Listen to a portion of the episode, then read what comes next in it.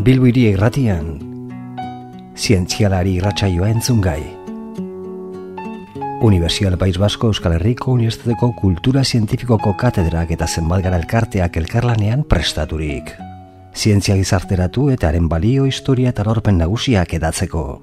Izarren hautsa egun batean, bilakatu zen bizigai.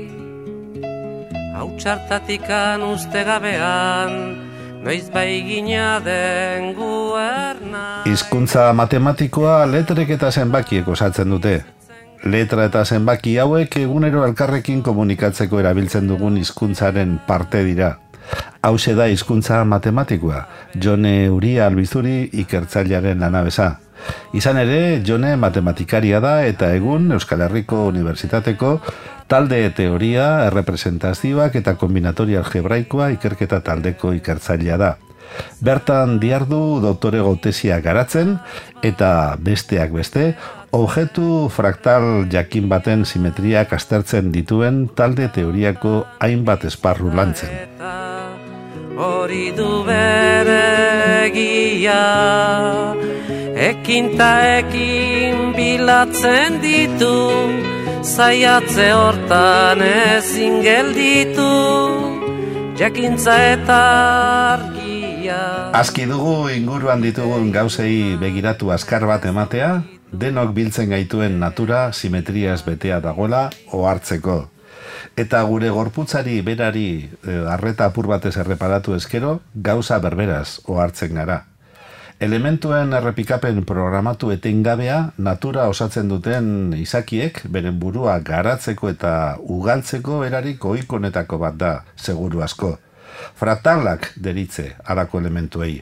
Zientzialari saio honetan, fraktalen mundu amaigabe eta zoragarrian murgilduko gara, John Euria matematikariaren laguntzaz. Eta hementxe dago, gure estudiotan Jone, leheneko bat eh, agurtuko dugu, eta agurtziaz batera, eskerrak ere emango izkizugu, Jone, Alemaniatik etorri berria zarela gure estudietara ba, urbiltzeagatik. Kaixo. Bai, kaixo eta, bueno, eskerrak zuei aukera ematearen, e, ba, bueno, ainoikoak ez diren e, gaiei buruz irratian hitz egiteko. Ez dira ohikoak, baina jo, sakondu eskero ze interesgarriak, eh? nik epizkat elkarrezketa prestatzeko eta, eta ikasi beharra edo hasi ikartzi beharra auki dut jone, eta benetan mundu zoragarri bat da gaur kontatuko diguzuna, eh? fraktalak, eta definizio erraz, erraz baten bila, ibili ez da ez dut topatu, eta txaron izan dut, ba, zu etorri arte, ze hobeto kontatuko diguzu. Zer dira fraktalak, eh, jone, denok ulertzeko eran hola esan da. Bai, bueno, egia esan e, normala da definizio errazik topatu ez izana, ze, segura eski matematikan oso definizio gutxi dira errazak eta gauza komplexuenak, ba, are gutxiago ez. Baina, bueno, ideia bat egiteko, bai, aipatu duzu, ba, errepikatzen diren e, objektuak direla, baina gaituko nuke ez, ez edo nola errepikatzen direnak, baizik eta nola bait ideia bat egiteko, irudi bati, zoom bat egingo bagenio irudiaren atal batean, berriz ikusiko genuke hasieran geneukan irudiaren berdina. Hau da, irudiak bere baitan, bere atal txikiak bera bezalakoak dira etengabe. Mhm. Eta aldrebez, zuma atzera egingo bagenu berriro e, objektu bera ikusiko genuke nola bait. Osea, objektu horiek dira lengo mm, lengo objektu baten errepikapena. Hori da, objektu beraren kopia, baina e, tamainu txikiagoan nola baita esateko, eta objektuaren baitan e, bizi dena. Zinteresgarri ez da. Azkenean beti dago zerbaitek e, biltzen gaitu beti, ez da? bai, gainera, holan esan da ematen du zerbait oso zaila izan behar dena, baina bai, gero konturatzen zara, ba, bueno, ez dela hain ezoikoa. Beraz, egitura e, geometrikoak eta ipatzen ari gara, geometria, simetriak, bai. baina dena den, e, uste dudanez, eh, eta zuk zuzenduko didazo, oizkan poko egitura geometriko guztiak ez dira fraktalak, ala ere? Ez ez, e, geometrian, bueno, badaude atal... Geometria zaten dugunean zan dute zirkunferentzia, laukia, laukizu zena, hoietaz landa dauden e, egitura geometriko guztiak ez dira fraktalak. Ez, e, ez noski, esan nahi dute fraktala izateak mm, baldintza oso berezi batzuk dauzka, eta eta azkenean da, bueno, ba hori, lehen aipatu dudan errepikapen hori betetzen dutenak, baina, baina noski beste figura geometriko asko daude, bai, ez direnak Bai. fraktalak. Mhm. Eta zeintzuk lirateke, zeintzuk izango lirateke, e, fraktal arrun baten gutxieneko ezaugarriak e, Ba, bera definitzen Bai, dutenak. batez ere hori ez, e, nolabait sortzen direla etengabe errepikatzen den prozesu baten bidez, e, etengabe figura bati gauza bera aplikatzeaz sortzen dira, eta eta bueno, ja apur bat e, zentzu matematikora joan da, e, fraktalek daukaten ezaugarri minimo bat edo ezaugarri bat da, bere izgarri egiten dituena, ba, e, dimentsioa ez daukatela zenbaki natural bat, hau da ez dira bat edo bi dimentsiokoak, baizik eta izan daitezke bat koma ez dakitzen bat dimentsiokoak. Hori imaginatzen zaila da, baina pentsa azkenean, e, ba ez dakit, bi dimentsioko zerbaiti lauki bati, hasten zarela zuloak egiten etengabe, eta modu errepikako hor batean, eta teorikoki... Zulatzen du, ez da? Bai, hori da, bai, imaginatu, erdian egiten diogu zulo bat. Baina gero, e, eskina bakoitzan geratu zaigun karratuan, beste zulo bat, beste zulo bat, eta horrela, gero eta zulo txikiagoak dira, baina etengabe zulatzen ari zara, orduan nolabait, pasako bazina bezala bi baino dimentsio gutxiago eukitzera, hainbeste zulatu duzulako, edo. Ja, ja. Wow. Hori da, ideia. Hori mundu, wow. Bai. Imaginatzen zaila den mundua da hori, ez da? Bai, Ze bai. ez gara mundu horretan bizi nola baita. Ez gara, Bai, hori da. ez daukagu horren kontzientziari pintzat. eh? Bai. Bueno, eta bada beste, beste galdera bat egin beharreko eta da, e, pentsatu, jo, imaginatu zientziak zelako aleginak egin dituen denetariko gauzak ikertzeko, osea, unibersoa bera, unibersoaren sorrera, eta negozu araño ere joan da, eta fraktalak egon, betidanik egon dira gure aldamenean, baina dirudienez, duela gutxirarte ez ditugu ikertu, eta izendature ez ditugu behar bezala izendatu. Ez alda harrigarria zientzia hain berandu ibiltzea fraktalen ikerkuntza. Ba, ba bai, harrigarria izan liteke, ez da, azkenean, bueno, horregon dira beti, eta eta ez dakit, ikusi egunero ikusten ditugu, baina ez gara, ba hori, mila bederatzireun da irurogeta mar bueltan uste dut definitu zituztela lehengoz. Atzo goizean. bai, hori da. eta Benuat Mandelbrot izeneko matematikari bat izan zen, ba, bueno, Benoit Man- Mandelbrot. Mandelbrot. Bai. Eta, bueno, ba, bera hartu zen, ba, zeudela beste gauza, objektu batzuk ezin zituenak e, oiko geometriarekin deskribatu. Eta behar bada, ordura arte eskonturatzearen arrazoi bat izan daiteke azkenean geometria ezagu, eguneroko, bueno, euklidearra deitzen zaio, baina ba hori zirkunferentziak, karratuak eta Greziako denboretatik denboretatik, bai, eredatu dugun geometria horrek ba, bueno, nolabait beti onartu izan dugu ez duela mundua deskribatzen behar den bezala, baina e, nolabait errua ez genien matematikei botatzen baizik eta munduari ez. Mundua ez da perfektu eta beraz ezin dugu deskribatu matematiken Ze bidez. matematikariek beti defenditzen zuen matematikak perfektua dela. Hori da, zirkunferentzia perfektua da, baina gero errealitatean ez da zirkunferentzia perfekturik existitzen, ez da. Eta behar bada hori hain barneratuta eta hain onartuta izan dugulako, ez gara hartu, ba, bueno, ba, zeudela beste tresna batzuk, ba, e, realitatea edo natura edo, edo beste objektu batzuk hobeto deskribatzeko. Mhm. Betu, kuriosoa da, eta hortxe dugu beti, eta Bai, beste kontu bat, jone, e, errepikagarritasun hori ote da naturan hainbeste fraktal izatearen arrazoi nagusia, hau da, errepikagarritasunerako errastasunaz, ari natzaizu. Bai, Eh, nik uste... Elementu hauek erakusten duten arrastasun hori joera hori. Bai, seguraski azkenean, bueno, e, guk ere ezakit noraino ulertzen dugun, ba hori, zuaitz batek e, sustraiak botatzen dituenean, zein den e, egiten duen prozesua zergatik banatzen diren sustraiak nola, eta bar, edo adarrak, e, baina segurazki, ba, bueno, mekanismo errepikakor bat dago hor, eta horrek eragiten du egitura fraktal hori ikusaraztea gero ez. Eta ere bai, e, fraktalek berez e, daukate optimizaziorako joera nola baita da e, aliketa, ba ez dakit, sustrai batzuekin adibidez garrantzitsua da aliketa e, luzera txikienarekin urrutien heltzea ez. Ba, horrelako propietateak ere betetzen dituzte fraktalek eta seguraski horrek ere azaltzen du zergatik, azkenean natura, ba, bueno, inteligentea da, eta, izan. eta bizirauteko, ba, ba eta gutxien e, esfortzu txikiena egin da, alik eta inbertsio gehien lortzen badu, ba, ba horrela bizirauten da natura bebai, eta eta horrek eragingo du ere egitura hauek Claro, gure, azaltzea. gure bizialdia oso laburra da, baina naturak ja eh, bizialdi Urteak luze. daramatza hemen. eta ikasi du ez da. Hori da. Bueno, esan liteke, o, bestela esan da, e, egia alda fraktalak e, infinitoraino luza litezkeela. Esan Bueno, bueno, bueno, infinito, mate- matema- infinito matematiko. Matematikoki galdetzen badidazu, ez dizut esango ia egia den baizik eta derrigorrezko baldintza bat da, fraktal bat matematikoki definitzen denean infinituraino definitzen da. Eta segurazki horregatik e, egiten edo ez hitzaien ere lehenago bururatu, azkenean egitura bat infinitoraino definitu behar duzunean ja egitura komplexua da, ez da ikusgarria, esan nahi dut. Baina nola baita esateko, ba, naturan ikusten ditugunak, e, bueno, materia nik dakidan eraino finitu den neurrian edo ez ba izango liratekela fraktal bat zuen e, iterazio kopuru bat. Eta benetan infinitoraino eraman gabe dagoena. Baina, baina bai matematikoki definizioa infinitoraino eraman da da. Bai. Ederki.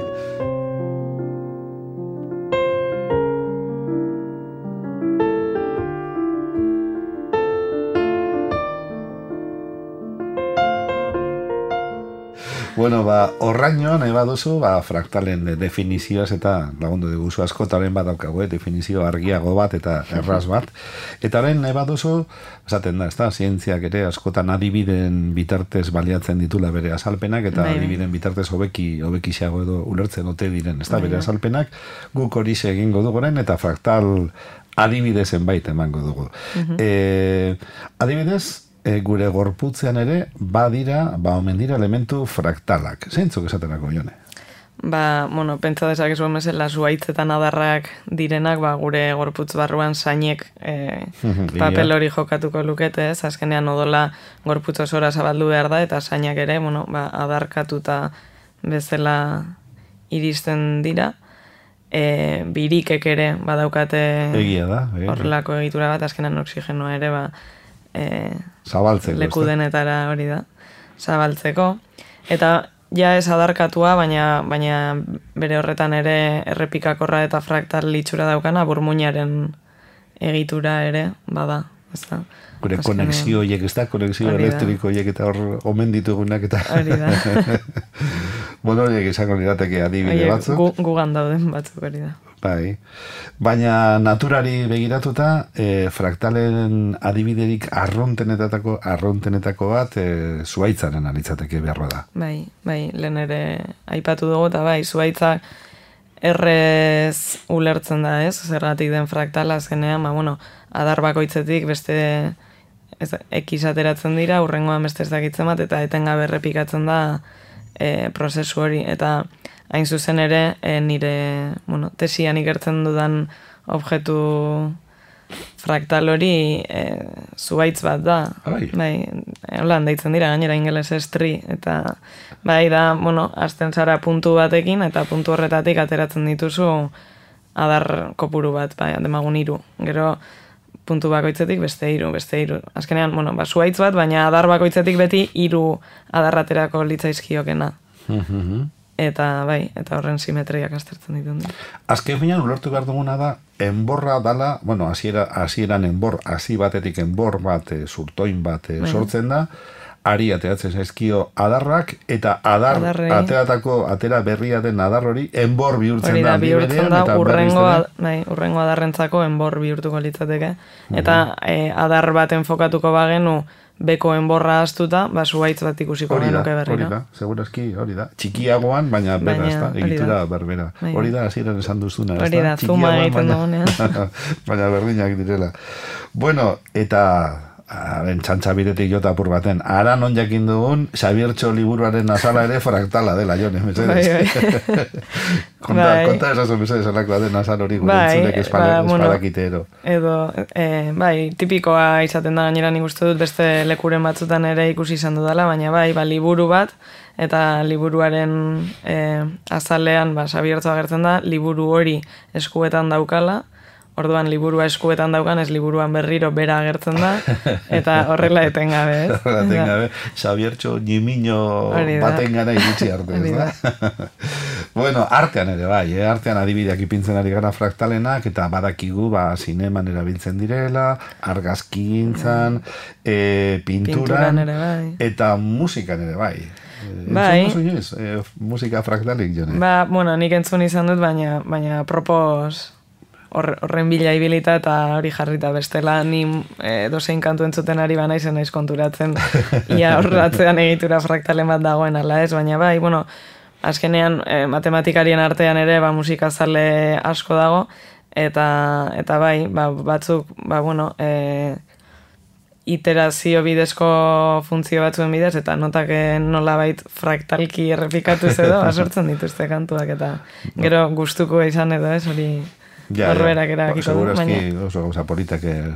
Bueno, azken finean kanta guztietan dago fraktalizazio mota bat, ez da? Lelo bat errepikatzen dugun neurrian beti ari gara. Bai, bai. fraktal Segurazki, bai, askotan nahi gabe egingo da, beste kontu bat da batzuk ja intentzionatuta ere sortzen dutela honelako musika. Dudarik gabe. Eta nahi baduzu, hirugarren eta azken atal batera pasatuko gara, jone, Bai. e, fraktalei buruz ari garela, eta orain honetan e, definizioa egin dugu, e, adibide batzuk ipini ditugu, eta orain aplikazioak e, aztertuko ditugu. Eta, bueno, medikuntzan fraktalek ba omen daukate aplikaziorik. Ezagutzen duzu adibideren bat edo erabileraren bat? Ba, bueno, nik eh, honi buruz entzun da ditudan gauzak. Da baino- hori behar hori da, eh? Baina, baina bai, badibidez e, optikan eta badakit erabiltzen e, zirela edo direla, ba, nolabait e, hobetzeko, bueno, ez dakit, begi barruan daukagun ez dakit zer e, zerk daukan funtzionamendua e, hobeto ulertzeko. Azkenean guk e, ba, kamaretan edo erabiltzen diren objektiboek bezala ez dugu prozesatzen informazioa, ze ez dator gure burura ari zuzen baten bidez, baizik eta fraktal egitura duten gauzen bidez, eta orduan hori ulertzeko, eta gero ba ez dakite ebakuntzak egin behar direnean begian eta bar, ba, ba hori kontuan izan behar dute bestela informazioa zuzenegi helduko litzaiguke Aha, burura, aha. eta ez eh, behar den bezala. Eta ez genuke behar bezala prozesatuko, Hori ez da, da? hori da. Mhm. Bai. Adibidez hori, baina gero entzuna daukat, zerbait, eh, entzuna daukat eh, beste aurkezpen batean, Mhm. e, larrabazalaren implantetan ere erabiltzen eh, direla, adibidez, ba, erre egin den eh, gaixoari, bere zelulekin batera, zelula sintetikoak ere txertatuz, Mhm. Errepika daitezen eta azkenean ondo ulertu badut e, benetakoek, egiazkoek e, irentzi ditzaten eta baster ditzaten sintetikoak, baina Bai. sintetikoen laguntzaz. Bai, bai, nik hori hori entzun nuenean, bueno, entzun dituta geratu nintzen, eta bai, entzun nuen, ba, ba hori, egiten dutela azkenean zelulek ere nola ba, egitura fraktal hori daukaten, e, sortzen dituztela e, zelula ba hori, sintetikoak, Faltsuak, da, baina bai, gero e, denborarekin desintegratzen direnak edo tarduan helburua da ba hasieran sintetiko horiek jarri eta bai berriak sortzea haien inguruan zelulak azkenean erreproduzituen direlako eta puntu bat iritsita ba sintetikoak desagertuko lirateke eta Jo, Bai, interesgarri bai, ez da, imaginatu, eh, ba, erredura bat izan duen, erredura larria izan Bai, duen bai. norbait zelako aterabide edarra izan daiteken hori, ez da? Bai, azkenean e, zure ze askotan ba erreduretan lehen egiten zen beste leku bateko asalan Bai, jarri eta horrelako gauzak, orduan hor da azkenean e, ba sintetikoa jarri eta gainera zureak sortuko du Bai, bai. inongo kanpotik beste ezer ren beharrik gabe, bai. Beraz, esan genezake, bestakit, eh, medikuntzari bide ikaragarri handia zabaltzen zaiola fraktalei esker. Bai, ala ematen du. bueno, e, zorakeri handia zientzia, zientzia barik zientzia fikzioa e, izango litzateke esatea noiz bait, hemendik eta zenbait markadaren buruan ba fraktalen bidez e, bizi organoak egitea ere lortuko dugula. Adibidez, ez dakit nik, e, birikak edo gibela edo are bihotza bera ere, edo zientzia fikzioa da. Ba, egia esan ez dakit esaten. Zeni, kontu hauetan e, ez dakit inoiz ez dut jakin gainera neurtzen zientziak nola egingo duen aurrera, ze batzutan oso denbora gutxian asko egiten dut, eta bestetan ematen du ja asmatuta egon behar liraketeken gauzak, ba ez garela gai asmatzeko ez da, orduan. Bueno, inoiz ez dakizu, baina, baina bai, seguraski bide bat zabaldu dute, eta azkenean irurogeta margarren amarkadatik ona, ba, bueno, ez da, ez da denbora asko pasa, orduan, ba, ba oraindik bide horiek irekitzen egongo dira, ez dira era bat eh, ja, pensatzea, horretaz pensatzea berare ona da, ez da? Hori egin daitekela pensatzea, ja, bai, bai, norbaiti bururatzea ere bada, bai, bai. bueno, ba, medikuntzarenak aipatu ditugu, baina bestelako aplikazioak ere badaude, jone. Bai, e, bueno, teknologian eta desente erabiltzen direla esango nuke, ba, batez ere, lehen aipatu dudan e, propietate, bueno, optimizaziorako daukaten gaitasun horregatik ez azkenean ba, txipetan eta edo antenetan entzun nuen adibidez zenbat eta azkenean zenbat eta leku txikiagoan e, ari luzeagoa sartu badezakezu hobe eta fraktalek horretarako gaitasuna ematen duten neurrian ba, ba erabiltzen dituzte ba hori antena txikiagoak egiteko edo txip txikiagoak egiteko eta beste, bueno, argazki gintzan eta ere azkenean e, gaur egun informatikan dena egin behar da e, tamainu txikiagoan gorde, baina ez dugu nahi kalitatea galtzerik, ez da, eta orduan e, nola bait fraktalen bidez ere egiten da aukeratu ze intzuk ze atal esabatuko dituzu, baina gero irudiak ez desan eman e, informazioak endu diosunik, ez? Mm Eta gero niri kurioso egin zitzen bai sorreran antza, e, Mandelbrot honi matematikaria izateaz gaine ekonomian oso aditua zen, eta beste gauza batzuen artean, berak e, erabiltzen zuen e, burtsaren eta ekonomiaren zenbait mugimendu azaldu ahal izateko. Bere eta zabiltza? Fraktalen, bai, bai. eta nik hor bai ja medikuntzaz ez badutu lertzen ekonomia zoren gutxiago. Baina, baina antza, ba, bai, mugimendu batzuk, ba, igual ezin direnak e, linealki nola bait azaldu, ba, fraktalekin e, errezago azal zitezken, eta orduan aurre ikusi, ba, ba, burtzaren jeitziera edo igoera bat, edo ezakit nola izango den hori, baina, baina, eta imaginatzen dut, orduan hori okurritu bazitzaion, ba, gaur egun ere egongo direla zentzu horretan. Baten da. Zer diren gauzak, eh? Osea, e, zertarako asmatzen diren hasiera batean edo saiatzen diren gure pensalariak eta gero zer bilakatzen den hori. Bai, hori, da, hori, hori da, matematikari daukaguna inoiz ez dakigula ikertzen ari garena gero zertarako erabiliko den edo edo erabiliko den ere. Bueno, baina hori askori gertatzen lanbide mm. askotan, bai, bai, bai, esaten bai, dute bai. hizkuntza bera, ezta? Zu ere hortan trebea zara eta espezialista zara horretan ere eta hizkuntza ba, munduko gauzarik ederrenak egiteko, baina itxusienak esateko ere erabilitek ez da orduan. Hizkuntza berak, hizkuntzak berak ez dauka errorik. Jone, mila esker pilo bat ikasi dugu, beste matzen dizugu benetan, etorri izana, eta lako azalpen argiak eta garbiak eman izana, orain eh, kalera teratzen garela, gaurko egunez, nik badakit hemenik eta gaur arte, fraktalen bilan arituko naizela kaleetan marrena. Ia, zuaitzetatik aparte berriak topatu. Abizatuko dizut. Mila esker, Jone. Bueno. Universidad País Vasco Euskal Herriko Unibertsitateko Kultura Zientifikoko Katedrak eta zenbat gara elkarteak elkarlanean prestaturik.